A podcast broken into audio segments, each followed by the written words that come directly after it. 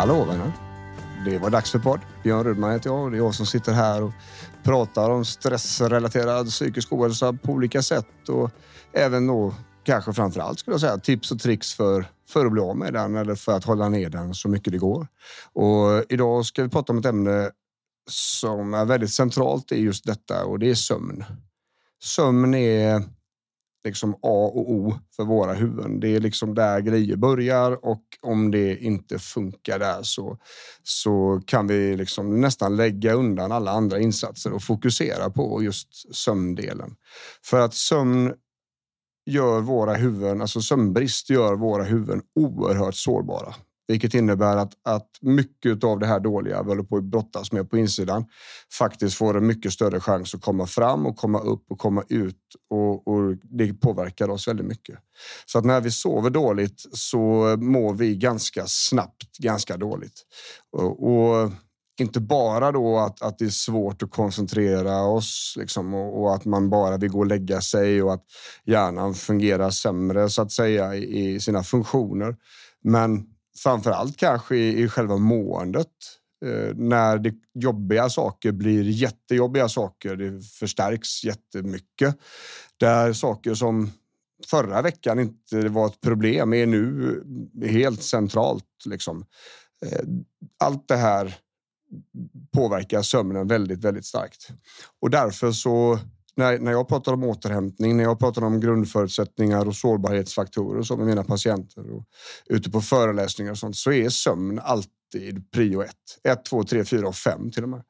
Det märker jag i mig själv och det märker jag hos patienter och, och det märker jag på mina barn och, och, det är helt centralt och det tänker jag vi ska prata om idag. Och för att eh, börja och reda lite grann i vad vad sömn, insomningsbesvär, sömnproblem och sånt eh, är för något eh, så behöver man veta tre stycken eh, viktiga faktorer kring sömn. Då. Eh, som måste vara uppfyllda så att säga som man ser vetenskapligt och, och för att det ska kunna bli en bra insomning och en bra kvalitet på sömnen under natten.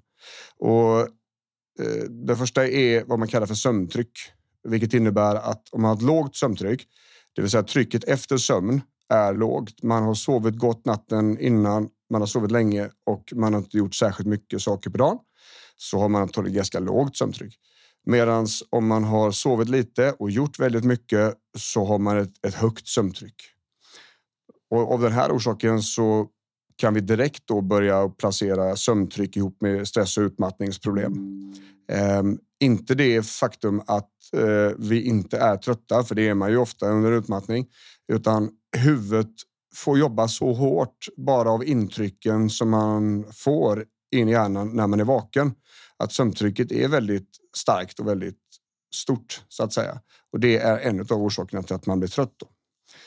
Den andra delen som man pratar om är eh, dygnsrytmen. Den går att, att eh, göra mycket med. Den visar forskningen att eh, hjärnan och kroppen kan lära sig och bli trött på ett speciellt tillfälle. Om man då lägger sig klockan 22 varje dag så kommer man att bli trött klockan 22 varje dag. Det är liksom en, en del i det. Eh, det är en viktig sak för att kunna få till en bra insomning. Så att säga.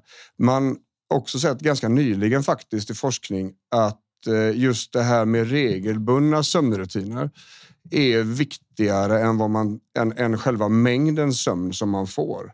Tydligen så är det då viktigare för kroppen och hjärnan att man lägger sig samma tid varje dag än att man får eh, rätt antal timmar så att säga.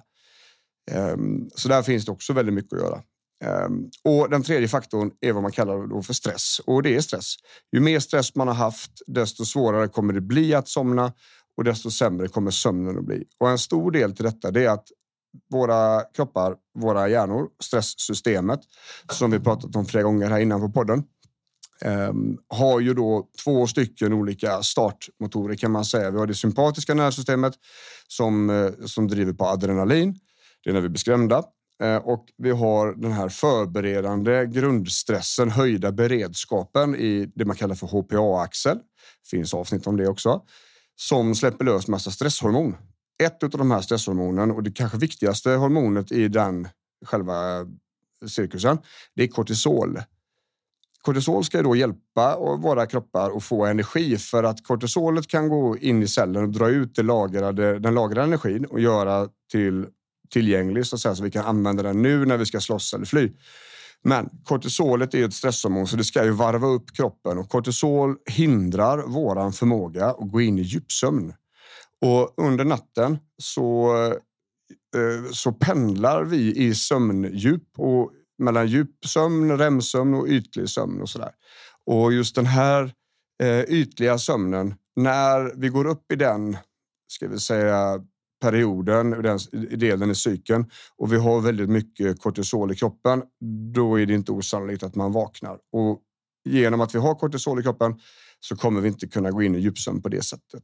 Kortisol har dessutom en väldigt lång halveringstid, vilket innebär att, att om man har gjort väldigt mycket saker på dagen och inte liksom varvat ner jättemycket och ganska tidigt, alltså inte precis innan man ska gå och lägga sig utan kanske många timmar innan man ska lägga sig istället, så kommer vi ha kortisol kvar i kroppen.